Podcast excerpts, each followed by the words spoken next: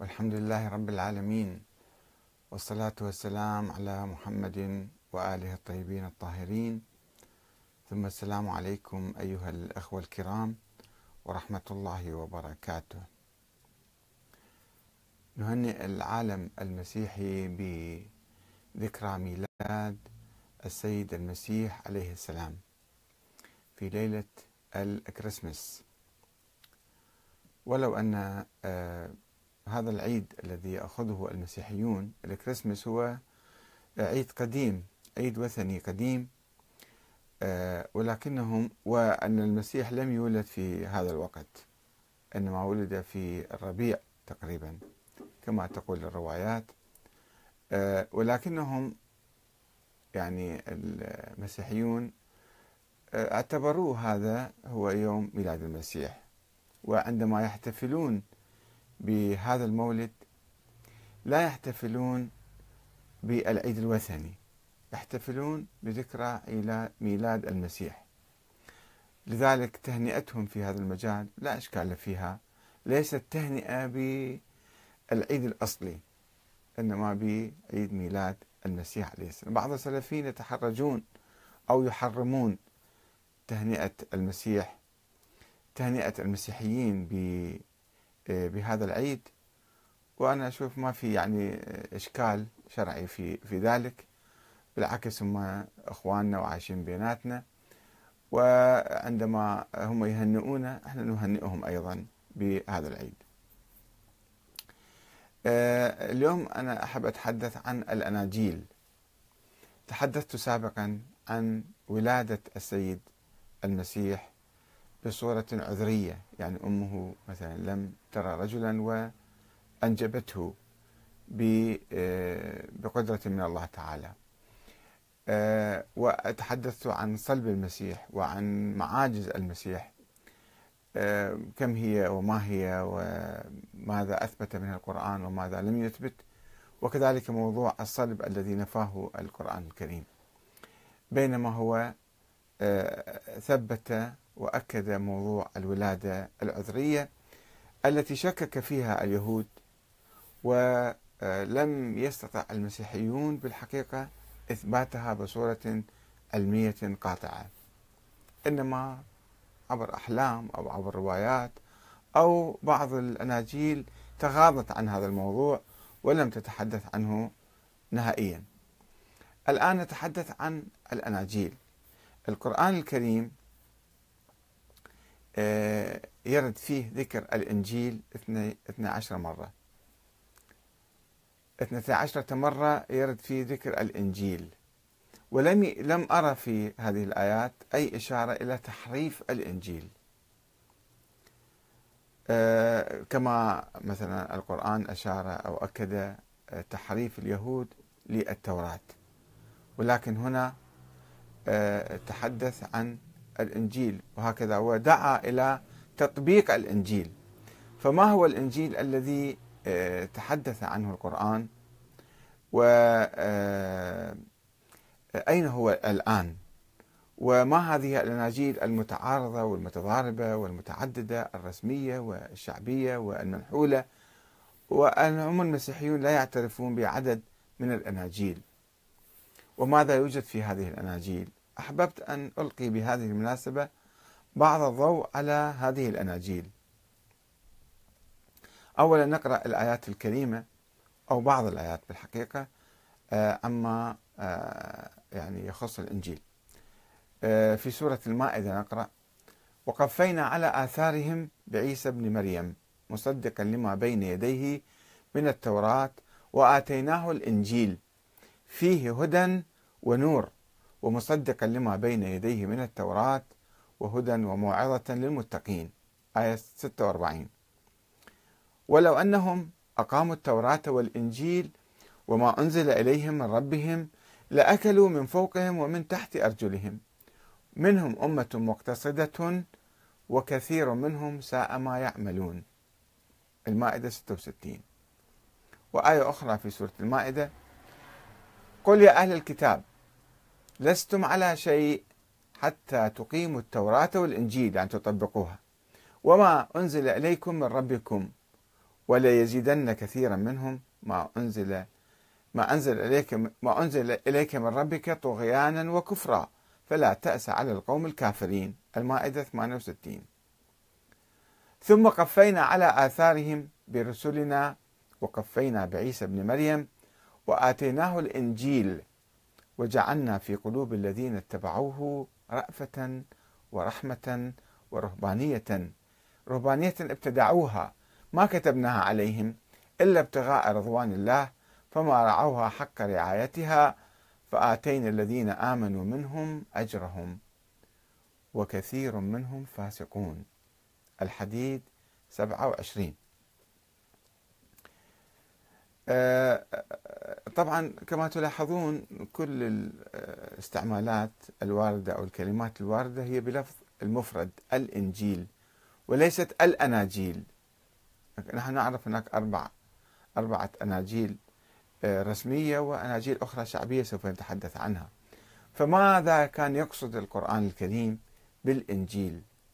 هو الزبدة من هذه الكتب هي البشارة يعني الإنجيل الذي آتاه الله لعيسى. ما هو هذا الإنجيل؟ أين أصبح؟ الإنجيل هي التعاليم هي البشارة هي المعنى هي الذكر اللي وارد في الإنجيل أم هذه الكتب المقصود فيها؟ لا يمكن أن نقول أن القرآن يقصد بالإنجيل هذه الكتب الموجودة بين المسيحيين لأنها متعددة ومتناقضة وتتحدث عن حياة المسيح وسيرته وكما يقولون صلبه وقيامته وما إلى ذلك. وكل هذه أمور حدثت أمور تاريخية حدثت بعد رحيل آه، السيد المسيح. فإذا هذا القرآن لا يقصد هذه بالإنجيل هذه الكتب. إنما يقصد الزبدة التي كان يتكلم بها السيد المسيح. ال ال الوحي والكلام الإلهي الذي كان ينطق به عن الله تعالى. فهذا الإنجيل هو قد يكون مبثوث بين هذه الكتب. ولكن هذه الكتب ليست هي الإنجيل. هي أناجيل كتب أناجيل. سواء اعترف بها كأناجيل رسمية أو لم يعترف بها كأناجيل رسمية أناجيل شعبية أو منحولة أو كذا فهي تضم فيما تضم كلمات السيد المسيح. فالمقصود بالإنجيل إذا هو الكلمات التي نطق بها السيد المسيح عليه السلام. آه، إذا الآن نتحدث عن ما هي الأناجيل وماذا فيها ومن كتبها ومتى كتبت وما هي قيمتها العلمية عند المسيحيين قبل المسلمين. نرى أن المسيحيين ماذا يقولون؟ حول هذه الكتب المنتشرة بينهم. وأتذكر مرة حضرت آه، ندوة أو مؤتمر شيء من هالقبيل آه، جاء أحد القساوسة بشنطة من الكتب ووضعها على الطاولة وكان بينها آه، كتب ضخمة كبيرة مجلدات وكتب صغيرة مختصرة طبعات عديدة. وقال كل هذه هي أناجيل. أيها الصحيح أيها يعني منها صحيح وأيها مثلا مفتعل أو مكتوب. وقال الزبدة نحن نأخذ الزبدة من هذه الكتب. لا نتوقف عند حجم هذه الأناجيل أو مثلا التغيرات والتحريفات الواردة فيها أو الحذف الوارد فيها. نأخذ الزبدة مالتها. فأنا أعتقد هو كما أفهم من القرآن الكريم الذي يتحدث عن الإنجيل الذي آتاه الله للنبي عيسى وآتيناه الإنجيل. فيه هدى ونور مصدقا ومصدقا لما بين يديه من التوراة وهدى وموعظة للمتقين. فإذا الإنجيل هو هذا الهدى والنور والموعظة والتعاليم الحكيمة. هذه هي الزبدة. أما ماذا يوجد؟ ما نقدر نعتبر هذه الأناجيل الموجودة هي حجة وهي بخط أو بنص كلام السيد المسيح كلها. لا فيها كلام بشري معروف واضح يعني. ناس التلاميذ تلاميذ المسيح أو الرسل اللي يقولون عنهم هم كتبوا آه، هذه الكتب. وبعضهم جاء ناس آخرون أيضا وكتبوا. لم يترك النبي عيسى عليه السلام وراءه كتابا يجمع أقواله أو الآيات النازلة عليه من الله. بين هذه الكتب النبي نفسه بعكس القرآن الكريم الذي يعني النبي كان عندما ينزل القرآن يقول اكتبوا هذا القرآن. وكتبوه في زمن النبي. في زمن النبي عيسى لم يكتب. أو لم يردنا شيء مكتوب في زمن السيد المسيح. وإنما هذه الكتب تضم آه، آه، أقوالا متناثرة. جمعها رجال آخرون فيما بعد وأضافوا إليها قصصا عن ولادته ونشأته ومعاجزه وصلبه وقيامته كما يقولون وما إلى ذلك. وقد عرفت بالأناجيل. كلمة الإنجيل تعني البشارة. الأناجيل يعني البشارات. كان يبشر بالسلام والرحمة والمغفرة. وتوجد منها لدى المسيحيين أناجيل بعضها رسمية قانونية يعترفون بها كتب رسمية الكنيسة تعترف بها. وأخرى توصف بأنها منحولة. هذه المنحولة كانت منتشرة شعبيا ومؤثرة في صياغة العقائد المسيحية في مفاهيم كثير من الأفكار والمفاهيم والعقائد المسيحية هي في الكتب الشعبية ولا توجد في الكتب الرسمية المعترف المعترف بها. الآن خلينا نتعرف على الكتب الرسمية الأناجيل الرسمية هي أربعة. أما الأناجيل الرسمية فهي أربعة. أولا إنجيل مرقس وإنجيل لوقا وإنجيل متى وإنجيل يوحنا. هذه أربعة أناجيل. وقد ظهرت هذه الأناجيل باللغة اليونانية التي كانت لغة الثقافة في ذلك العصر عصر السيد المسيح وبعده. بعد ظهرت آه، بعد رحيل النبي عيسى عليه السلام اللي هو يعني رحل أو المسيحيين افتقدوه وقالوا أنه قام أو صلب أو شيء. ومختلفين طبعا في تاريخ النبي عيسى آه، أصبح نبيا أو دعا لنبوته وأعلن نبوته بعدما أن كان في عمر 30 سنة. وهو كما يقولون يعني اعتقل صلب كما يقول المسيحيون كان عمره 30 أو 33 يعني كل الفترة التي بشر فيها ودعا فيها هي سنة من سنة إلى ثلاث سنوات. غير محددة. التاريخ غير مضبوط. عند المسيحيين أنا أتكلم لكم وليس من عندي. أنه على أي حال فيها الفترة هذه يعني فترة قصيرة جدا اللي هو بشر ودعا آه، إلى الله فيها. وهذه الأناجيل اللي كتبت باللغة اليونانية كتبت بعد رحيل المسيح بأربعين أو خمسين أو ستين سنة حسب الأناجيل. ليس كلها مرة واحدة. ويعتبر إنجيل مرقس أقدم الأناجيل. إذ يعتقد أنه دون نحو عام سبعين ميلادية. يعني بعد النبي عيسى بأربعين سنة. هذا أول كتاب ظهر أول إنجيل ظهر بعد أربعين سنة. إجا واحد كتب مرقس كتب هذا الإنجيل. ولكن قيمته العلمية أقل من بعض الأناجيل الأخرى. هو أقدم واحد ولكن مو كثير معتبر هذا الإنجيل بالنسبة للأناجيل الأخرى.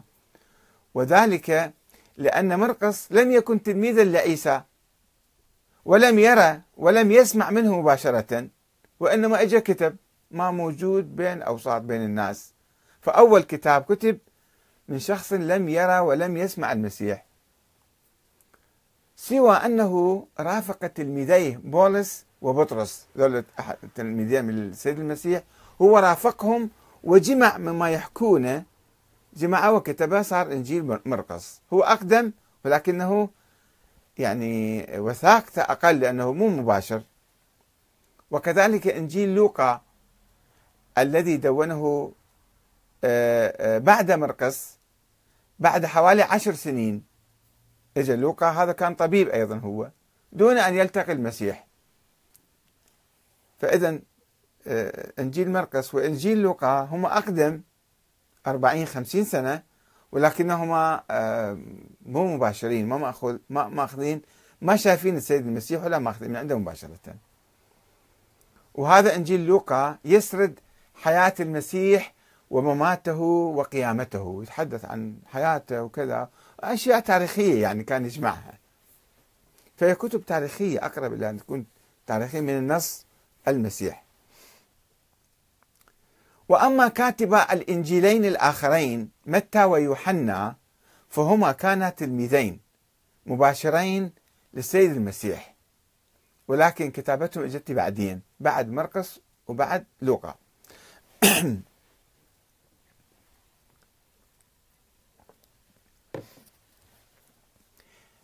أنا حقرأ لكم من ويكيبيديا كاتب مسيحي كاتب عن هذا الموضوع. خلينا نقرأ نشوف معلومات قيمة يعني.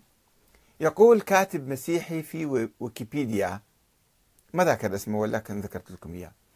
يقول بعد عام 150 للميلاد يعني مست الحاجة في الكنيسة إلى قاعدة شاملة تضم أو تنظم المؤلفات الدينية حول يسوع. كثير كان مؤلفات مؤلفين حول يسوع.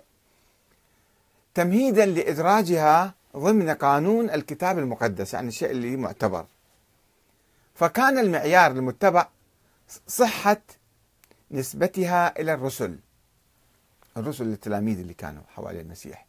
وبرزت الأناجيل الأربعة نظرا لصحة نسبتها إلى الرسل من ناحية ولما تحلت به من صفات تتطابق مع التقليد الشفهي يعني مع الثقافة الشفهية اللي كانت سائدة ومعروفة. هذه الأناجيل تقريبا هي آه، آه، ضمت هذه الثقافة. وأيضا كانت تتطابق مع رسائل بولس التي اعتبرت قبلا أسفارا مقدسة. هاي الرسائل كان يكتبها هي اعتبرت كأنها أسفار مقدسة كأنها هي يعني من واحد من تلميذ المسيح. وحوالي عام 170 كان قانون العهد الجديد قد اكتمل. قد اكتمل. يعني تقريبا صار ثقافة رسمية مكتوبة ومعترف بها. وأضيف إليه سفر أعمال الرسل. غير هاي الكتب آه، أضيف أضيف إليها سفر أعمال الرسل. كمؤلف قانوني أيضا اعتبروه يعني احترموه لكون مؤلفه هو لوقا. لوقا هو كتب هذا آه، أعمال سفر أعمال الرسل وهو مؤلف الإنجيل الثالث نفسه إنجيل لوقا. ثم ضم إلى القانون لاحقا كتاب آخر اسمه رؤية يوحنا والرسالة إلى العبرانيين اليهود يعني العبرانيين هذا أيضا ضم إلى العهد الجديد يسموه. إضافة إلى رسائل يوحنا الثلاث ورسالتي بطرس عند رسالتين أيضا ضموها لهم فضلا عن رسالة يهوذا ورسالة يعقوب. يعقوب يعتبره أخو المسيح. وذلك بعد نقاشات طويلة حول صحة نسبتها. يعني ذيك الأيام الكنيسة عندما أرادت أن تجمع هذا التراث صار في نقاش وجدل أن هذا صحيح ذاك مو صحيح هذا يطابق ذاك ما يطابق. بعد فترة بعد 100 100 يعني 20 سنة تقريبا بعد المسيح أو 140 سنة جمعوا هالتراث بعد فترة طويلة. وهذه الفاصلة طبعا هم تلقي بظلال من الشك وعدم الثقة المعتبرة. يعني مو نفس الأيام مال السيد المسيح كتبت ونشرت و آه، يعني تأكدوا من عندها.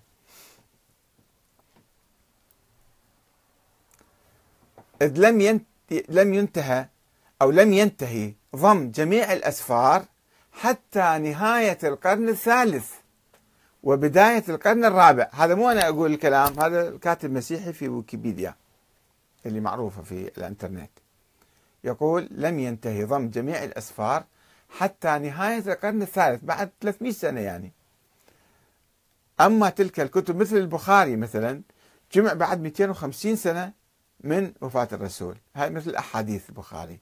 يعني قيمتها كيف أن قيمة البخاري أو مسلم أو الكتب الحديث التي جمعت بعد 300 سنة بعد 400 سنة هذه ما يمكن نعتبرها موثوقة جدا مثل ما لو كانت كتبت وجمعت في نفس الأيام الأولى. أما تلك الكتب التي لم تثبت صحة نسبتها شكوا فيها وقالوا لا هذه مو صحيحة. الكنيسة قالت يعني اتخذت موقف شك من عندها. فقد فقدت تدريجيا حظوتها في الكنيسة ولدى المسيحيين. سابقا كانوا يعتقدون بها وبانين عليها عقائدهم ولكنهم شوية شوية تركوا هاي الكتب وقالوا هاي الكتب يعني ضعيفة ما نأخذ فيها. كأسف... آه، آه، فقدت حظوتها في الكنيسة ولدى المسيحيين كأسفار مقدسة يعني كتب مقدسة. لا ما ما يعتبروا كتب مقدسة ما يعتمدون عليها. كرسالة أقلمنظس الأولى في رسالة معروفة عند المسيحيين اسمها رسالة أقلمنظس آه، ورؤيا بطرس ومؤلف الراعي كتاب اسم الراعي لهرماس ومؤلفات أخرى غيرها. وهذه المؤلفات كانت ذات انتشار أو كانت ذات انتشار في مناطق محدودة خصوصا في مصر مثلا. لكنها دعيت عقب رفضها في قانون الكتاب المقدس لما سووا كتاب رسمي للمسيحية وكتب رسمية معترف بها. هذه هذه الكتب اعتبروها منحولة. اعتبروها منحولة والتي تعني باليونانية مخفية يعني هذه مو مشهورة أو مخفية. وذلك لأنه لم يسمح بقراءتها آه، خلال إقامة الشعائر الدينية. حذفوها من الكنيسة. وأمر أن تبقى خفية أو خفية خلالها إلا أنه قد أوصي بقراءتها في بعض الأحوال. لحسن تأثيرها في الحياة المسيحية. فيها بعض الأشياء اللطيفة لا بأس يعني أحيانا يقرأ يقرأوها في حين رفضت يعني بعضها كان في تردد أو في يعني موقف آه، ليس قاطع تجاهها وبعض الكتب الأخرى لا كان في موقع حاسم وقاطع ضدها. في حين رفضت أناجيل مريم إنجيل مريم في كان إنجيل معروف اسمه إنجيل مريم. شلون؟ إنجيل متى وبطرس ولوقا ومرقس كان إنجيل معروف اسمه إنجيل مريم هذا رفض. وإنجيل يعقوب أيضا رفض. إنجيل الطفولة طفولة المسيح يعني أيضا رفض. لكون هذه الكتب أقرب إلى الرؤى أحلام يعني والقصص الشعبية منها إلى الصيغ الواقعية. وإذا تحبون تراجعون هذا النص في ويكيبيديا الأناجيل المنتحلة. اكتبوا الأناجيل المنتحلة شوفوا شنو مكتوب عنها.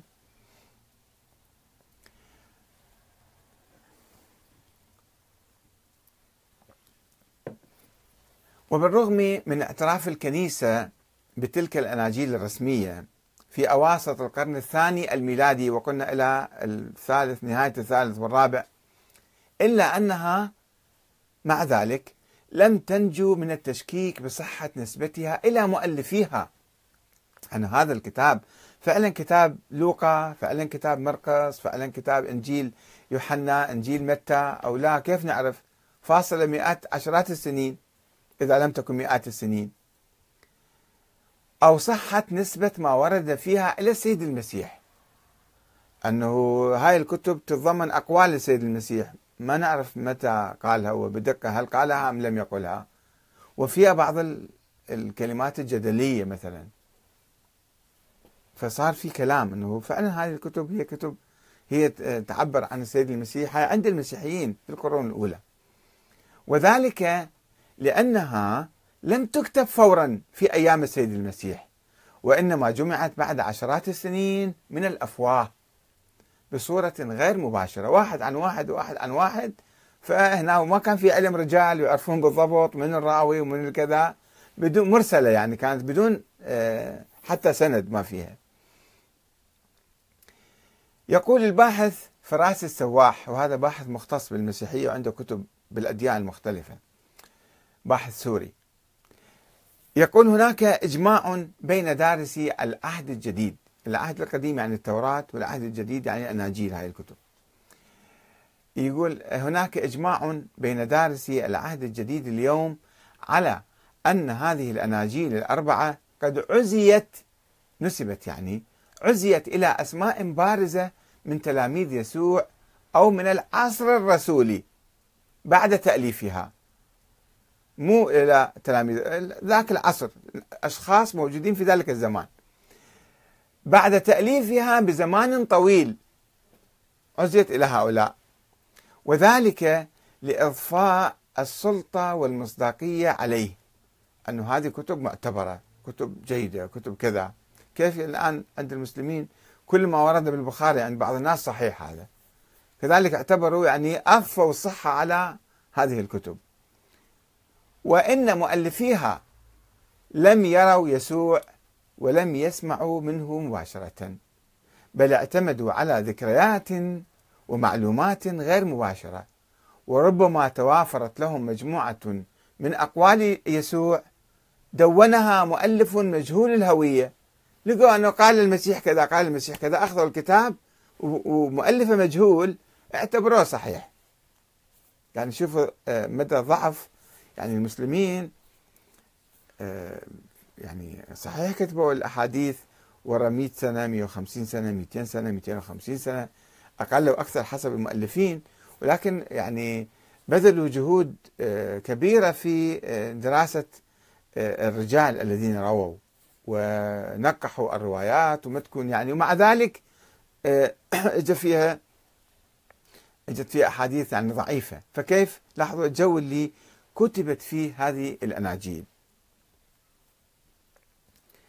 آه هذا السواح يقول في كتابه الإنجيل برواية القرآن صفحة 13 وإلى جانب تلك الأناجيل الأربعة الرسمية اللي اعتبروها رسمية. السيد المسيح ما قال عنها شيء إنما الناس اعتبروها. توجد أناجيل أخرى غير مسندة كإنجيل متى المنحول إنجيل آخر في إنجيل متى المعروف وإنجيل متى المنحول. هذا يعني يعني مفبرك. الذي يتحدث عن أصل مريم. مريم من وين عائلة عائلتها؟ من وين إجت؟ من أبوها؟ من أمها؟ وطفولة المخلص عيسى. بالطفولة شنو سوى؟ قبل ما يبلغ رسالته. ولكن لا توجد نسخة أصلية منه من هذا الكتاب إنجيل متى المنحول. سوى ترجمة لاتينية واحدة عن نسخة يونانية تعود بتاريخها إلى القرن الثامن الميلادي يعني بعد الرسول الأكرم محمد صلى الله عليه وسلم. يعني بعدين وقت متأخر جدا طلع عندنا كتاب اسمه إنجيل متى المنحول في إنجيل آخر. وهذا ورا 800 سنة. كيف نعتبر أنه هذا صحيح؟ هم المسيحيين ما يعترفون بصحته. هذا الكتاب اللي بالقرن الثامن كتب أو نقل عن أصل غير معروف بالضبط زمن كتابته. ما معروف هذا منو كتبه وين كتبه ومتى كتبه. فلذلك رفضوه المسيحيين تقريبا. ويعرف هذا الإنجيل أيضا بالإنجيل العبراني أو الإنجيل بالعبرانية أو الإنجيل بحسب العبرانيين. يعني كان باللغة العبرانية منسوخ عن اليونانية. واليونانية عن لغة أخرى.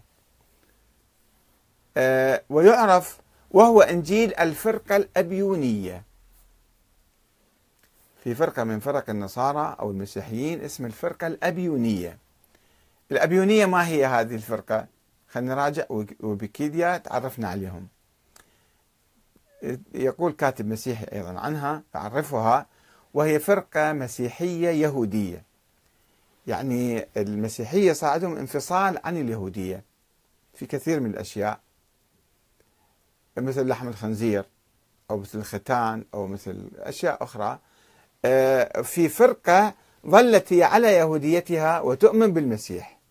هذه الفرقة هذه الفرقة تسمى الأبيونية فرقة قديمة يعني. والأبيونية يعني المساكين يعني الفقراء. هذا معنى الأبيونية. هذه الفرقة تواجدت في العصور الأولى المسيحية وكانت تنكر ألوهية المسيح. تقول المسيح نبي وليس إلها وليس ابن ابن إله. لاحظوا كيف تمتاز يعني عن المسيحية المعروفة اليوم. وتصر على اتباع الشريعة اليهودية وتقول المسيح هو جاء لكي يكرس التعاليم اليهودية لا لكي ينقضها. ولا تؤمن إلا بأحد الأناجيل المسيحية اليهودية. هذا إنجيل خاص لها وتبجل يعقوب البار. يعقوب البار البار عن الصالح. تعتقد به كثير زعيم إلها يعني. ولا تعترف ببولس. بولس تقريبا هو الذي أسس المسيحية المعاصرة اليوم. منذ أول يوم يعني. هو الذي نشرها وكتبها وثبت أركانها. تقريبا هي بوليسية أكثر ما هي مسيحية.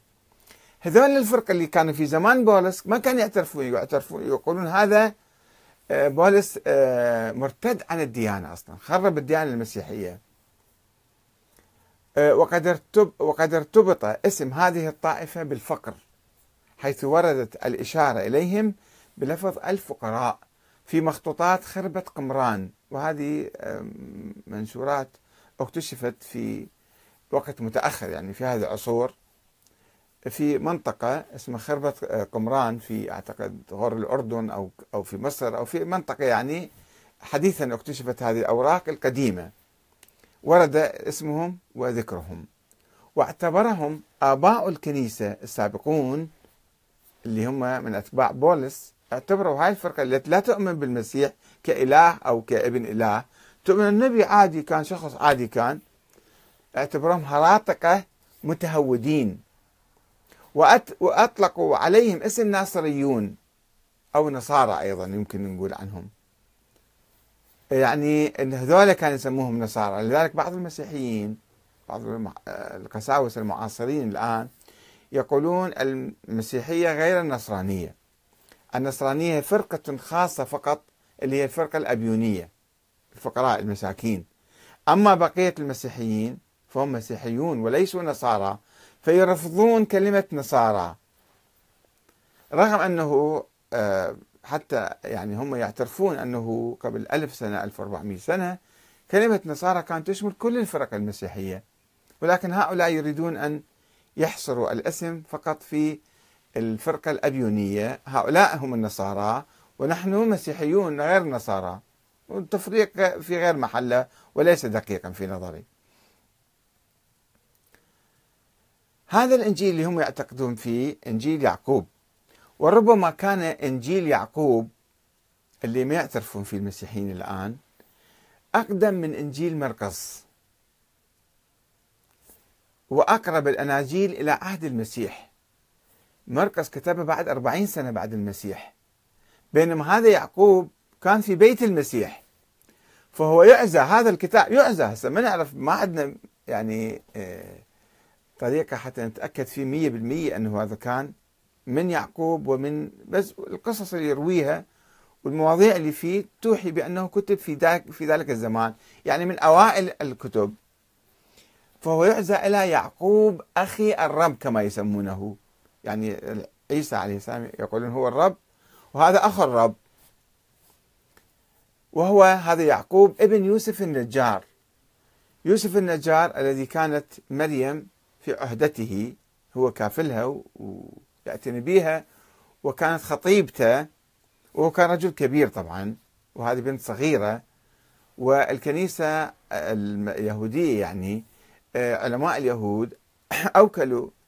مريم كانت تخدم في الهيكل آه، ثم آه، عندما بلغت وصارت يعني كبيرة شابة فخافوا عليها هناك. أعطوها إلى هذا يوسف النجار وثم ظهر الحمل عليها فصارت المشكلة أنه هو يعني تأذى أنه كيف حملته بعد ما داخل عليها. وصارت المحكمة عند اليهود واليهود يعني قالوا له أنت زنيت بها وهذا المسيح يعني ابنك. ف يوسف يعقوب ابن يوسف النجار وهو شيخ المسيحيين كان في وقته. وفي هذا الكتاب في إنجيل يعقوب آه، يتضمن هناك أحاديث تتضمن الأحداث الأولية عن المسيح. منذ حمل مريم العذراء القصة كلها يذكرها هذا لأن قريب كان جدا فيروي قصة صحيحة وليس صحيحة لا نعلم. ولكن كتابة هذه القصص تدل على أنه هذا الكتاب هذا الإنجيل من أقدم الأناجيل حتى أقدم من إنجيل مرقس. ولكن الكنيسة لا تعترف بهذا الإنجيل واعتبرته منحولا يسموه أبو كريفة أبو كريفة يعني منحول يعني مزور مختلق. وأيضا يسمى هذا الإنجيل إنجيل يعقوب لأهميته يعني وقدمه يسمى بالأولي الإنجيل الأولي. أو الإنجيل التمهيدي لأنه يذكر أحداثا تختص بكيفية حمل العذراء مريم وميلادها وولادتها وميلادها هي. وكذلك بأحداث تختص بميلاد يسوع المسيح وطفولته. ولم تذكر في الأناجيل القانونية هذه التفاصيل خاصة إنجيل متى وإنجيل لوقا. أصلا ما فيها القصص هذه. ويضم إنجيل يعقوب أقدم الروايات عن طفولة مريم طفولة مريم ونشأتها في الهيكل وولادة يسوع العذراوية من دون زواج. وقد احتفظ بهذا النص في أصله اليوناني وفي ترجمات سريانية وأرمينية وقبطية وسلافونية وعربية ولاتينية لأهميته كان منتشر وفي ترجمات عديدة لهذا الكتاب. مع تغييرات متعددة ليست كلها نسخ متطابقة ومية بمية فيها زائد وناقص يعني. وكان منتشرا في الشرق ومعروفا جيدا للآباء اليونانيين ولكنهم لم يعتبروه قط ككتاب قانوني يعني روايات شعبية يعتبروها. ما كان ما كان معطيه اعتبار لهذا الكتاب. وقد حرمه في الكنيسة الغربية البابوات ديد, ديد مسوس. ديد مسوس اللي كانت 382 توفى. وأنوسنت الأول توفى سنة 405 ميلادية. والبابا جلاسيوس 496 نهاية القرن الخامس يعني. أه وحسب ما يقول يعقوب هذول حرموه. قال ممنوع واحد يقرأ هذا الكتاب إنجيل يعقوب. ساقط بالمرة. مو فقط أنه رواية غير آه، معتبرة لا ممنوع. وحسب ما يقول يعقوب يعقوب هو صاحب الإنجيل فإنه قد كتب إنجيله إبان تمرد هيرودس كما جاء في الفصل الخامس والعشرين. في عنوان عنده يعقوب يلجأ إلى الصحراء. ذكر آه، ما يلي حرفيا.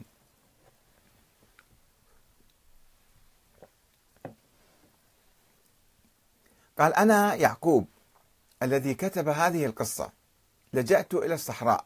إبان تمرد آه، أثاره في أورشليم المدعو هيرودس ولم أعد إلا بعدما هدأت البلبلة. إنني أحمد الله الذي منحني مهمة كتابة هذه القصة قصة المسيح يعني. لتكن النعمة مع الذين يخشون سيدنا يسوع المسيح الذي له المجد والقوة مع الأب الأبدي والروح القدس. والروح القدس المحيي. الآن ودائما وإلى أبد الآبدين آمين. هذا النص موجود في موقع الأنبا تكلا أحد القساوسة المعاصرين المصريين. في موقعه والموقع موجود عندكم هنا.